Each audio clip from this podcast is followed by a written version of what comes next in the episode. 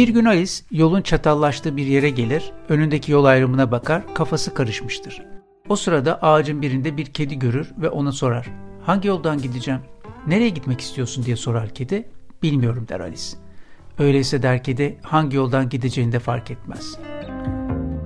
Merhaba ben Mete. Yol Yolcu Yolculuk adlı podcast'ime hoş geldiniz. Bunca alternatif içinde buraya kulak kabarttığınız için çok teşekkürler. Burada en kısa tanımıyla kendine ve yoluna inanan, inandığını başaran, konfor alanlarını terk etme cesaretini gösteren insanların hikayelerini dinleyeceksiniz. Eminim kendinizden de bir şeyler bulacaksınız bu hikayelerde. Keyifli dinlemeler. Yol Yolcu Yolculuğun yeni bölümünde yine beraberiz. Bugün e, kadınlara özel ürünler tasarlayan ve hayatını yaratıcılık üzerine yolculuğunu bu şekilde şekillendirmiş sevgili Estel Bensignor var. Ee, hoş geldin Estel. Merhaba, hoş bulduk. Teşekkür ederim. Dişil enerji işi beni bayağı zorladı, ne yalan söyleyeyim. Ee, bazı şeyleri tamam. anlamaya çalıştım, iyi de hissettim, bazılarını pek anlayamadım. Ee, o yüzden hem anlayamadıklarımı soruyor olacağım, hem anladıklarımı perçinleştirmeye çalışacağım. Öncelikle e, senin bu yaratıcılık yoluna giriş, bu farkındalığınla ilgili bir giriş yapalım mı? Tabii. Bu uzun yolculuğun neresinden başlasam diye düşünüyorum ama e, aslında belki hani tabii ki çocukluğumdan itibaren her zaman bir şeyler yaratmayı seven bir yapım vardı. Böyle biraz daha içe dönük, kendinle baş başa kalıp e, hani böyle duygularıyla kalan bir yapım vardı açıkçası. Aslında hani küçükken bile ben hep böyle kendi hayal dünyamda bir şeyler yaratan birisiydim. Yani hiç içimde yoktu da bir anda ortaya çıkan bir şeydi diyemem. Ee, mesela çözümler üretirdim küçükken de işte Barbie evim yoktu mesela kendi kendime Barbie evi inşa ederdim gibi. Hani o şekilde e, zaten içimde vardı. Fakat tabii yetişkinliğe doğru giderken hani üniversite hayatı, işte bir anda iş hayatına girmek, hayatın senden bekledikleri vesaire e, bu süreçlere girdiğinde o yanını tabii ki e, kaybetmiyorsun ama sanki donuyor gibi oluyor. Hmm. Kronolojik olarak çocukluk kitaplarının illüstrasyonunu yapmam mı var yoksa Hı-hı. kadın doğası ve yaratıcılık mı var? Hangisi önce? Hı. Aslında önce e, çocuk kitapları var. E, o da aslında kronolojik olarak şöyle başladı. Ben bir ofiste çalışırken böyle karpostallar çiziyordum. Ama bu tamamen böyle e, çok alakasız bir işti. Yani yaratıcı bir iş değildi. Pazarlama iletişimi alanında bir şirkette çalışıyordum. Ve çok farklı bir sektörde. Ve ofis zamanında sıkıldığım süreçte öğle tatillerinde böyle çizim çiziyordum. Çizim yapıyordum. Ondan sonra bu çizimlerimi görünce hani ofistekiler ve arkadaşlarım işte satın almaya başladılar. Bunları karpostal yap demeye başladılar. Onu onları yaptıktan sonra bana bir kişi çocuk kitabı yapar mısın benimle diye geldi. Sonra e, işte karpostallar devam ederken e, böyle bir kişisel dönüşüm seminerinde birisiyle tanıştım. O da dedi ki çocuk kitapları yapalım mı beraber? Tamam dedim. E, ve hani orada tabii ki böyle e, potansiyel olasılıklara tamam derken bile insanın içerisinde direnç olabiliyor aslında. Ve e, o yolda da o direnç yolunda da aslında hani yine bir kendine dönüp ya ben bunu yapabilirim. Ben bunu hayır demeyeyim. Hayatta bana gelen fırsatlara ve olasılıklara hayır demeyeyim. Hissiyatları büyümeye başladı içimde ve evet ben hiç daha önce çocuk kitabı yapmamıştım ama evet deneyebilirim ya bunu yapabilirim yaptığım işte kendimi katarak e, özveriyle her şeyin üstesinden gelirim eğer istiyorsam. Anlattığın konular içinde e, hani kadın girişimcilere emeğinin karşılığını alamamak, bir fiyat verememek Hı. gibi olay şeylerden, kavramlardan bahsediyordun da yani hem blogunda hem katıldığın Hı. yerlerde. E, senin bu ilk etapta bu emeğinin karşılığını istemek, isteyememek nasıl oldu bu kartpostalları olan talepler sonrası? Fiyat nasıl fiyat diyebildin yani? Nasıl oldu? Tabii ki ben ilk başta bu çizimleri sadece kendim için ve zamanımı orada verimli kullanmak için, boş geçirmemek için yapıyordum sıkıldığım süreçlerde. Ve bunun bir ürüne dönüşeceğini açıkçası hiç böyle hani beklemiyordum, düşünmüyordum. Fakat insanlar bunu almak isteyince tabii ki buna bir değer biçmen gerekiyor ve o değer de senin yaptığın işi kabullenmen, ona biçtiğin fiyat, e, onu sahiplenmen, o yolunu sahiplenmen hepsinin barındırıyor aslında. İlk başta böyle çok az bir fiyat söylüyordum. Çünkü biraz utanıyordum da yani bir utanç da vardı yaratıcılığından bir firma olmadan, bir aracı olmadan para kazanmak. Yani bu e, ütopikti benim zihnimde yıllar evvel. Hı hı. Sonra e, işte kendimle ilgili çalıştıkça o değer duygum arttı. Yaptığım işe e, kattığım e, özveri, e, detaycılık, yani saygı saygı arttı içimde yaptığım işe ve kendime. Ee, şey de çok dikkatimi çekti yani içsel dünya yanında işte böyle dışarı yansıyan o yaratıcılıkla bir e, fiziki dünyadan da kopmama var. Şimdi öyle bir şey ya sanki e, mistik bir yola girdiğimizde hani para pul bir tarafa itilecek, hiçbir şey yapılmayacakmış gibi bir kafalara da giriliyor ki reel dünyaya çok aykırı bir durum. E, dolayısıyla hayat bir denge ise şayet dengeyi aramaksa bu dengeyi bulma konusunda önemli bir adım atmışa benziyorsun. Evet, evet. Gerçekten o benim için çok önemli. Yani e, hani hem böyle köklerimin yerde sağlam olması hem de gerçekten özgürlük, özgürce yaratabilmek çok önemli. O ikisinin dengesini bulma yolunda da tabii ki inişler çıkışlar çok oldu. İşte dediğim bu değer duygusunu ilk başta kendin kabul etmek, yaptığın işe kıymet vermek, özenmek e, bu süreçlerden geçiyorsun. Daha sonra da aslında şöyle hani zihin insan ben sanatçıysam mesela sanatçıyım diye düşünüyor sadece. Kendini böyle konumlandırabiliyor. Ama e, insan zihni hep böyle gelişiyor ve farklı yerlerini de kullanabiliyorsunuz zihninin. Hani nöroplastisite de var. E, ilk başta sanatçıyım derken daha sonra işte muhasebeden anlayan, satıştan anlayan, kendi web sitesini yapan, e, başka insanlara kendi hikayesini anlatabilen, dışa içe dönük bir yapım var ama dışa dönük de eylemler al- alabilmeyi öğrenen, e, yani kapasitesini genişleten bir kişi olmakla ilgili bu. Yani kişi sadece bir tarafta işte ben sanatçıyım, arka plandayım, ben içe dönüyorum diye kendine etiketler koyarsa o zaman diğer tarafta e, yani hep sınırlandırmış oluyor kendisini. Sınırları nasıl ee, kaldıracağız Estel? Bence e, gerçekten merak duygusuyla. Merak duygusuyla hani e, mesela bazen hani kendimize soru sorarak aslında. Çünkü mesela ben bunu yapmak istiyorum. Bunu nasıl yapabilirim? Yani bu bu sorular böyle oturup e, düşünsel değil de böyle içten gelen sorular. Bu bir e, içten gelen bir tutku mu desem, bir yönlendirme mi desem. Kendine soru sorup bir şeyin nasıl yapılacağına dair merak etmek bence çok önemli. Yani ben mesela bilmiyorum işte e, nerede nasıl karpostal toplu bir şekilde üretilir bilmiyorum. Ne yapmam lazım? Ya bunu yapmak istiyorum. O zaman merak edeceğim, soracağım ya ben bunu nasıl yapabilirim? İnternetten araştıracağım, soracağım. Birazcık gözlemci olacağım, çevreme bakacağım. Aksiyon almaktan korkmayacağım, kendimi geliştirmekten e, korkmayacağım. Çünkü gerçekten her güvenli alandan çıktığımız yer inanılmaz bir enerji yükselişi oluyor. Kendinle ilgili yeni bir şey keşfediyorsun, ruhun genişliyor, enerji alanın genişliyor. Hayatı bir oyun gibi görmeye başlıyorsun. İşte merak duygusuyla ve bu bakış açısıyla bence olabilir. Sınırları genişletmek. Ticarete dökmek lafında hep böyle bir yaratıcılık olduğu işte hep dilime bir garip geliyor söylemek ama zengin bir web sitem var. Hem içerik olarak zengin, öyle de bir güzel. Hem ürün açısından da çok zengin. O çeşitlemeler nasıl oluştu? Detaylar nasıl şekillendi? Onlardan da bahseder misin? Tabii. Önce ticari kısmından bahsedelim. Mesela ben e, çok kuvvetli buluyorum açıkçası hani e, yaratıcılığını ticarete dönüştürmek fikrini. Yani bu bence çok e, güzel bir şey. Mesela bunu ben e, işte para, ticaret, yaratıcılık ve işte içsel şeyler ben bunları hiç birbirinden ayrı tutmuyorum açıkçası. Çünkü yaptığın her şey bir hizmet ve hizmetinin karşılığını almak çok manevi bir süreç bence. E, o yüzden ben aynı cümlede hepsini kullanmakta çok çok rahatım. Ürünler nasıl şekillendi diye soracak olmuştunuz. Şöyle, aslında ben kendi yolculuğumu aktarmaya çalıştım. Önce işte dişilik ile ilgili olan e, bir eğitime giderek orada edindiğim donanımları, bilgileri ilk yaptığım menstruasyon döngüsü defterine yansıttım zaten. Ve daha sonra hani yaratıcılık üzerine böyle açılımlar geldi içimden. Yazılar ve resimler yaptım. Sonra girişimcilik üzerine çalıştım. Markanı yarat, sosyal medya planlayıcısı gibi gibi gidiyor. Yani ben bir pazarlama stratejisi gibi şunu yapmalıyım ve hedef kitlem şu olmalı diye düşünmedim. Tamamen kendi içsel yolculuğumu yansıttım. O da bu şekilde planlanmış oldu aslında. Yani demiyorum ki hiçbir zaman oturup e, hiçbir şeyi düşünmedim, plan yapmadım ama bu temel yapısı tamamen aslında içgüdüsel oldu. Yani bir ajanda yaptım. Sonra başka bir konuda açılım oldu. Onu da ürüne dönüştürmek istedim. Sonra başka bir açılım oldu. Onu da ürüne dönüştürmek istedim ve bu şekilde bir baktım aslında. Bu işin temeli böyle yani bu. yani şey, çatısı peki, bu.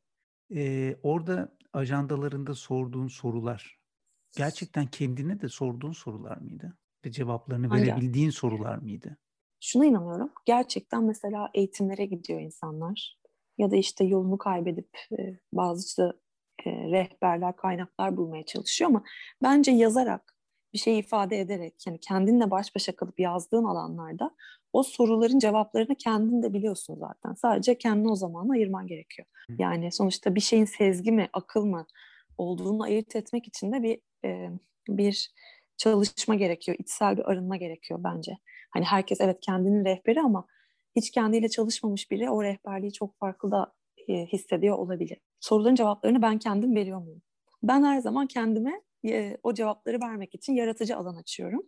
Ve o alanda bu defterlerin içinde evet soruların cevaplarını bazen verir gibi oluyorum. Bazen ertesi gün farklı cevaplar oluyor. Yani kendimle baş başa kalacağım alanlar yaratıyorum. İşte bunun yansıması da aslında bu ürünler. E, yapmak istediğiniz işi neden yapmak istiyorsunuz gibi böyle güzel bir soru var. O benim kulağımda kalmış. Hakikaten bir yola çıkıp bir adım attığında değil mi? Niye yani? Sorulmalı mı da hani bazen yürüyüp yolda hani kervan e, yolda düzülür misali. Kadınlar için çıkardığın kadın doğası ve yaratıcılık o kitaba gelelim. Onun altyapısı nasıl oluştu?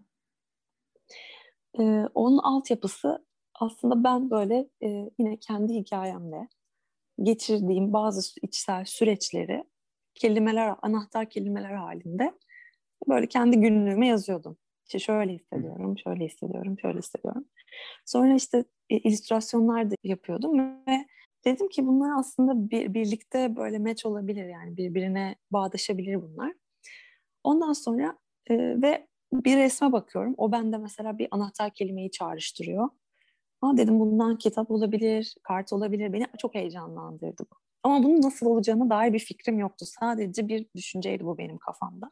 Ama yapmaya hani nasıl olacağını bilmeden arka planda boş zamanlarımda yine bunun e, altyapısını oluşturuyordum. Sonra bir kere yoga eğitiminde e, bir grup çalışması vardı. Orada birisiyle denk geldim. Yayın evinin sahibiyle denk geldik. Ve e, yayın evinin sahibi işte anlatıyor sen ne yapıyorsun, sen ne yapıyorsun. Ya dedim ben çizim yapıyorum, yazı yazıyorum. Ha ben de yayın evi sahibiyim. Ya benim şöyle bir şeyim var aslında. E, hani ne düşünürsün falan dedim. O dedi ki aslında bundan kitap olur ya dedi. Biraz gösterdim ona. Bundan kitap olur dedi. Gerçekten olur mu dedim ya ben kitap. Ben gerçekten yola çıktım ve gerçekten onun yankısını evrende bir şekilde karşıma çıktı. Ya yani onu görebilmek orada yani çok güzel bir deneyimdi. Sonra da akışa bıraktım. Tamam dedim. Hani yayın evi ve kişi de doğru bir e, birleşme oldu. Ondan sonra da o kitap çıktı işte. Hani e, güzel bir hani hem kendim çabaladım hem de gerçekten şans da bana çok destek oldu bu konuda bence. Şimdi bu salgın döneminde bir çok kısa bir dönem insanlar ne yapacaklarını böyle bir el yordamı anlamaya çalıştılar. Ne oluyor, ne bitiyor. Baktılar ki iş uzun sürüyor ve iş iyice dijitale pla, dijital platforma taşınmaya başladı.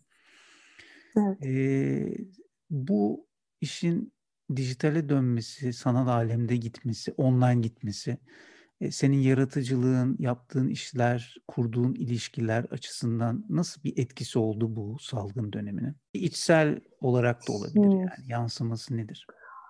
Benim için aslında çok güzel bir süreç oldu diyebilirim.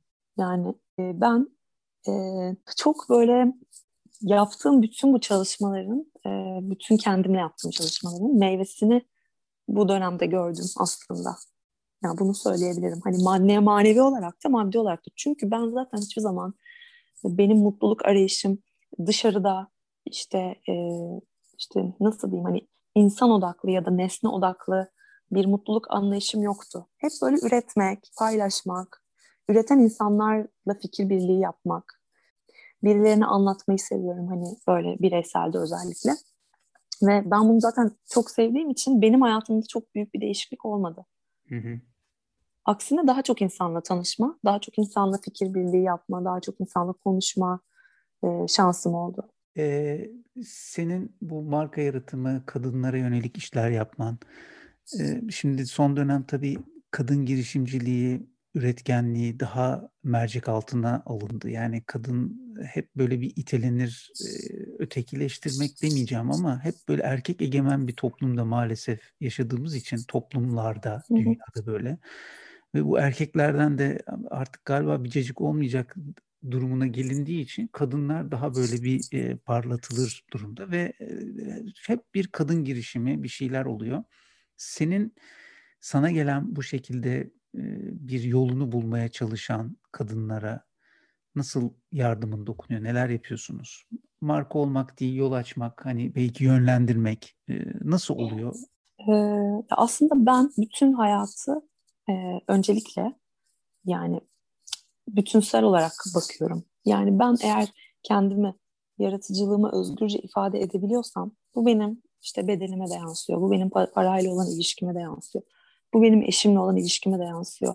Ve mutlaka benim bu kendi içimde bulduğum mutluluk e, aile hayatına da yansıyor.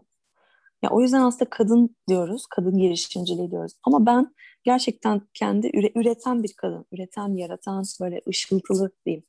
Ee, üretmeyen, yaratmayan, ışıltısız demek istemiyorum. Ama bazı insanlar e, evlerinde işte e, belki yemek yaparak üretim yapıyorlar. Yani Hı-hı. bunları ayırmıyorum. Hı hı. Ee, ve e, yani üreten böyle aktif hayatta böyle katılımı olan insan diyeyim. Zaten bütün eve de ışığı yansıyor. O yüzden hani cinsiyetten bağımsız bunu hayata katkı olarak değerlendirebiliriz öncelikle. Ve böyle hayata katkı sağlamak isteyen, e, hani daha böyle ataletten çıkıp sorumluluğunu almak isteyen, böyle içimde bir enerji var onu hayata dökmek istiyorum ben. Bir şeyler yapmak istiyorum konusunda net olan insanlarla e, öncelikle e, tabii kişiden kişiye değişiyor bu süreç. E, ama e, sezgilerini dinleyip hangi alanda doğal olarak iyi olduğunu e, anlamasına yönelik bir alan açıyorum aslında ben. Hı hı. Yani şöyle ben mesela e, diyelim ki işte müzik aleti çalmak.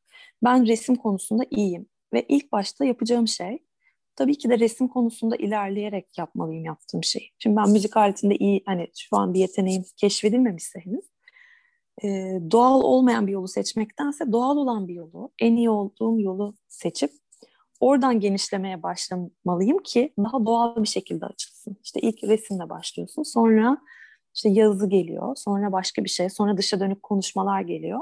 Yani insan iyi olduğu şeyle, doğal olduğu, e, eforsuz olduğu şeyle başlarsa o zaman zaten o güvenli alandan çıkması da daha kolay olduğuna inanıyorum. Ve tabii ki de insanlarla bunun üzerine çalış, çalışıyoruz. Yani en doğal oldukları, en eforsuz oldukları şey nedir? Bazen bu böyle bir konuşma esnasında böyle bazen böyle ağlayarak ortaya çıkıyor, bazen gülerek ortaya çıkıyor. Bazen aklına böyle sadece o alanda konuşma fırsatı olduğu için otomatikman ortaya çıkıyor. Koçluk sertifikam var. O yüzden e, orada soru sorma teknikleri ile alan açıyorsun aslında. Tabii ki ben sezgisel olarak da yani böyle bir sertifikanın arkasında yüzde yüz hani o var da bunu yapıyorum diyemem. Hani yüzde yüz ona sığınarak diyemem. Ama hani sezgilerimi de kullanarak aslında akıllıca sorular soruyorum. Daha çok mentörlük gibi e, bilgilerimden, deneyimlerimden e, aktarım yapıyorum ve tabii ki e, gerçekten çok dikkatli bir şekilde karşı tarafı dinleyip hissetmeye çalışarak da e, o alanı açıyorum. Seçtiğiniz yolda kalma teknikleri diye yani o yol ben de artık böyle şey yani yol ve yolculuk üzerine bir cümle, başlık vesaire gördüğüm zaman hemen dikkatimi çekiyor. Senin de e, blogunda bu başlık dikkatimi çekmişti. Bu e, yani bu tekniklerle ilgili birkaç bir şey söyler misin? Bir de seçtiğimiz yolda kalmalı mıyız? Yani yolumuz değişmemeli mi? Değiştirmemeliyiz? Kalmak için mi direnmeliyiz diye de öyle de düşündüm. Ee, ama yani ben seçtiğimiz yol dedim. Şey demedim. Hani bugün seçtiğim yol bu. Yarın başka bir yol da seçebilirim tabii ki. Hı-hı. O an seçtiğim yol için diyelim. tamam peki. Ama şöyle e, mesela bir kere bence çok zorlandığım benim de bir zaman çok zorlandığım bir şey. Gerçekten kendimi e, dış dünyaya mı adıyorsun yoksa gerçekten yapmak istediklerine mi adıyorsun? Bir onu bir gözden geçirmek. Çünkü o kadar çok uyaran var ki e, işte televizyon e, ve klişe olacak ama sosyal medya ve bir sürü bilgi, bir sürü öğreti, bir sürü yani çevrede fikir her konuda onlardan bir kendini ayırıp merkezlenmek üzerine birçok teknik var. Nefes tekniği var, meditasyon var, yoga var, yürüyüş yapmak var, müzik dinleyip böyle sessizlikte kalmak var. Herkesin kendine göre tekniği var. Ee, ve e, gerçekten bence kendi neyi seçtiğini anlamak için kendinle baş başa kalacağın alanlar yaratmak e, ve seçiminde dış dünya mı yoksa kendi içten gelerek mi yapıyorsun onu anlamak çok önemli bence. Ondan sonra da bir adanmışlık süreci olduğunu düşünüyorum. E, o adanmışlık süreci de nedir aslında? Hani kendine inancını geliştirmek, e, yaptığın şeyde seçtiğin şey neyse o gün ona devam etmek. E, adanmışlık nedir? Hani bir şeye böyle e, enerjini neye verdiğini bilinçli olarak seçmek, e, atalete minimum düşerek gibi. Bence hani insan hayatı çok kıymetli, çok değerli hani bunu nasıl yaşamak isteyeceğinde bir seçim hani tabii ki bir sürü şartlar var ve hani benim de hayatım toz pembe tabii ki de değil hani bir polyanlıcılık e, modunda değilim ama e, gerçekten kıymetli ve hani insan en nasıl bir enerji veriyorsa hayata karşılığında da onu alıyor sonunda. O yüzden hani nasıl bir enerji veriyoruz işte günümüze nasıl başlıyoruz e, ne, nasıl kelimeler kullanıyoruz nasıl şeyler yaratıyoruz aslında zihnimizde e, öncelikle onu fark etmek çok önemli bence. E, zaten o da kendi hikayeni dönüştürmenin önemli bir yolu bence. Bunu söylemek istiyorum genel olarak. Her şeyden bağımsız. Estel seni tanıdığıma çok memnun oldum gerçekten. Ee, hayatında bu özellikle kağıtla kalemle bir şeyler yaratıyor olman benim için daha cazip. Ben çok sevdiğim için e, o yüzden de çok yakın hissettim. Hikayen de çok keyifliydi benim için. Yani ne kadar dişil enerji üzerine çalışıyor olsan da e, bir erkek olarak ben kendim okuduğum yazılarından da böyle satırlardan çekimler yaptım.